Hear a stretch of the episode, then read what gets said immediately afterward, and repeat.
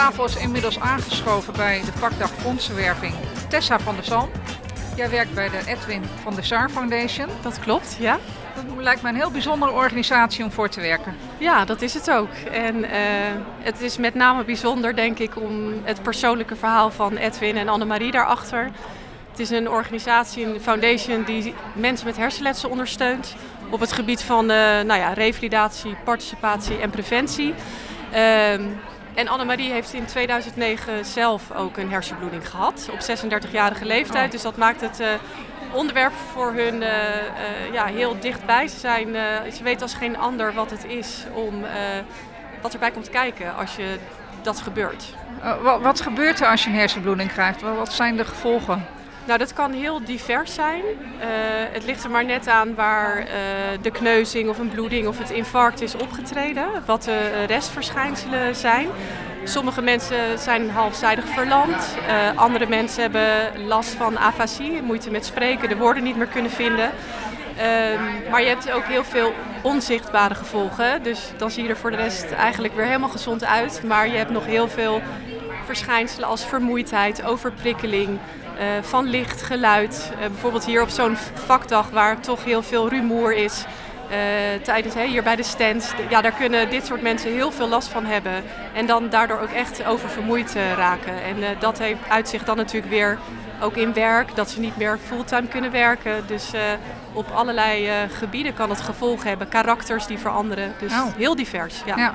Ja, En het is waarschijnlijk ook een soort onzichtbare ziekte. Ja, ja. En, en dat maakt het soms ook uh, uh, ja, lastig om bijvoorbeeld bij uh, een werkgever, als je dat is overkomen, om dat uit te leggen. Want, hè, dat mensen niet gaan denken, nou wat zit hier nou te zeuren of het valt toch allemaal wel mee. Maar ja, juist door die onzichtbare gevolgen is dat heel lastig uitleggen. En ja, daar hebben ze wel mee te kampen. En ze ervaren dus wel allerlei drempels om na dat revalidatietraject weer terug te keren in de maatschappij. En daar is de foundation ook wel een schakel in. vaak zeggen we wel, je bent uitgerevalideerd, maar dan begint het pas als je weer thuis komt. Ja, ja. En jij werkt nu bij de foundation een aantal jaar? Ja. Wat is jouw drive? Om, wat is jouw drive?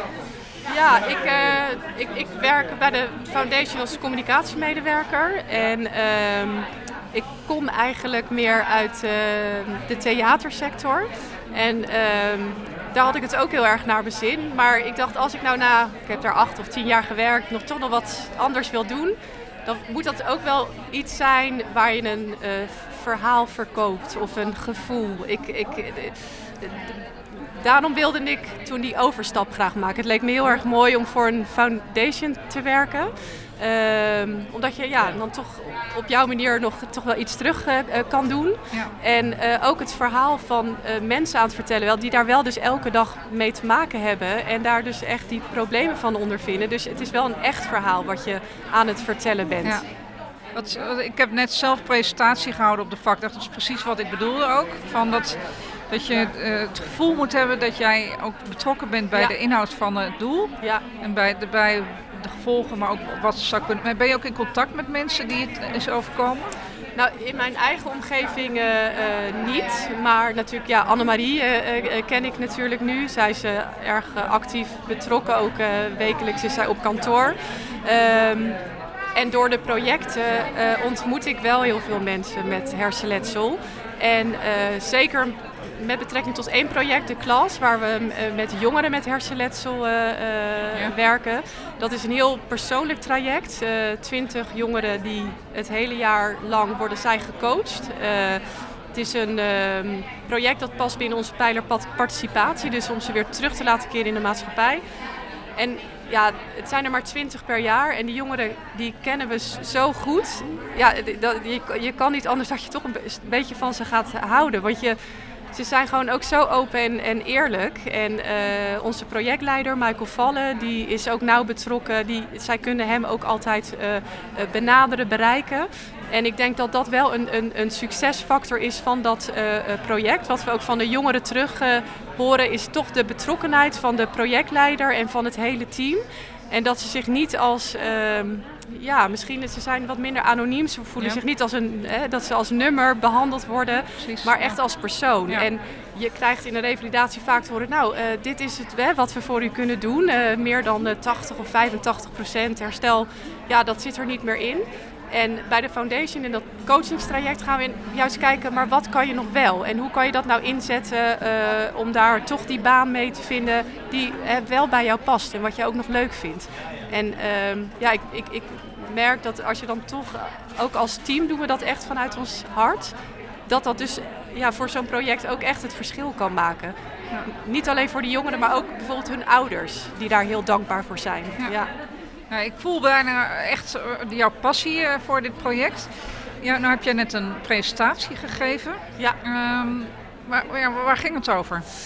Wij hebben een, eh, een Tiki-campagne uh, opgezet. Ja. Um, omdat we daar eens mee wilden experimenteren. Omdat dat toch een uh, nou ja, app is die je kan inzetten om makkelijk en snel geld te, te werven. Ehm, en het is ook een, er zit een bepaalde fun factor aan. En wij dachten van, nou, kunnen wij dat nou eens gaan inzetten? En voor welk project? En dat hebben we dus ingezet. En we hebben een tikkie-campagne voor de klas opgezet. Tijdens de Brain Awareness Week van 11 tot en met uh, eh, 17 eh, maart. En uh, dat hebben we eigenlijk heel snel opgezet. Ja. Uh, help jongeren. Met Procurios? Met Procurios, ja. ja uh, die onze leverancier is van het CRM. Uh, om eens te kijken van hoe zou dat nou uh, lopen en wat zou dat nou opleveren. En uh, ja, het was snel bedacht, nou de klas, wij helpen jongeren met hersenletsel daar een stapje verder in hun leven. En nou ja, toen was de link met help jongeren met hersenletsel en tikkie verder. Ah, en dus we hebben eigenlijk een heel concreet voorbeeld genoemd van hoe je tikkie kan inzetten op een makkelijke manier ja, gewoon is om te kijken wat dat dus kan doen en hoe simpel, je dat, uh, hoe simpel je dat kan opzetten. En daar heb ik over verteld. En, en hoe was de sfeer in de zaal? Wat, wat snapte ze het? Ja, nou, het, het, het is denk, uh, het was voornamelijk bedoeld om te inspireren en enthousiasmeren. Uh, wij hebben een vrij kleine organisatie. Ja. dus wij kunnen heel snel schakelen en dingen uitproberen. Waar misschien in grotere organisaties je nog over alle verschillende lagen moet gaan om akkoord te krijgen. En ja, wij werken met vier mensen, dus dat gaat dan wat makkelijker bij ons. En uh, ja, het is misschien toch een beetje een, vernieuwende manier. En, uh, en ik had het idee dat mensen het toch leuk vonden om eens een uh, concreet voorbeeld te horen. De zaal zat ook vol.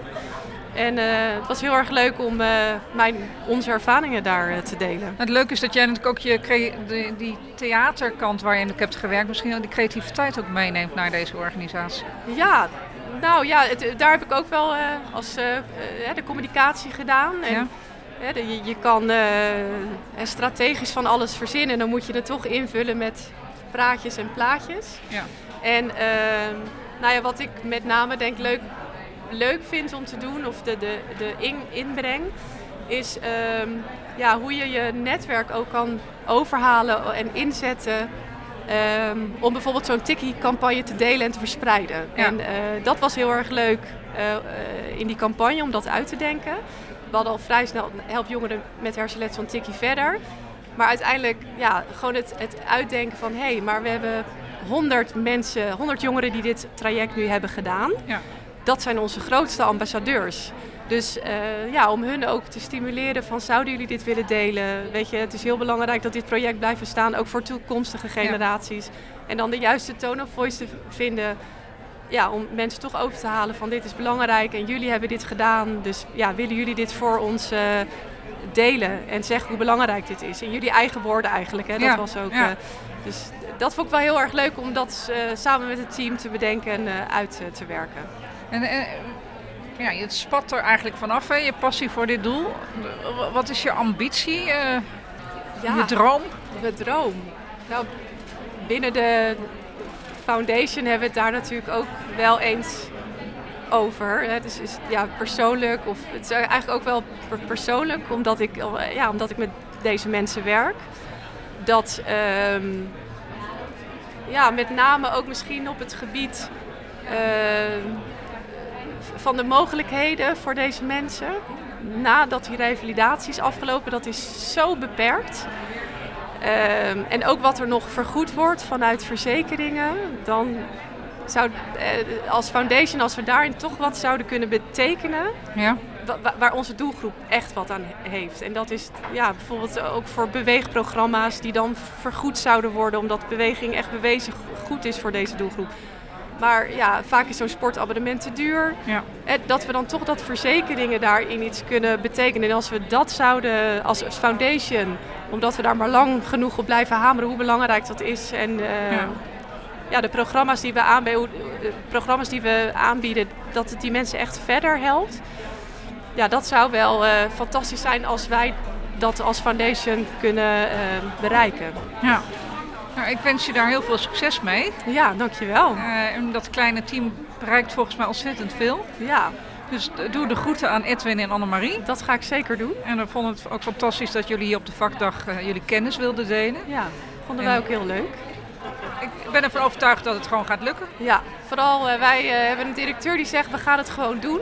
Ja. En gewoon lekker concreet blijven en gewoon beginnen. En dat heeft tot nu toe voor ons altijd heel goed uitgepakt eigenlijk. Ja. Dankjewel. Dit was de podcast met Tessa van der Zalm.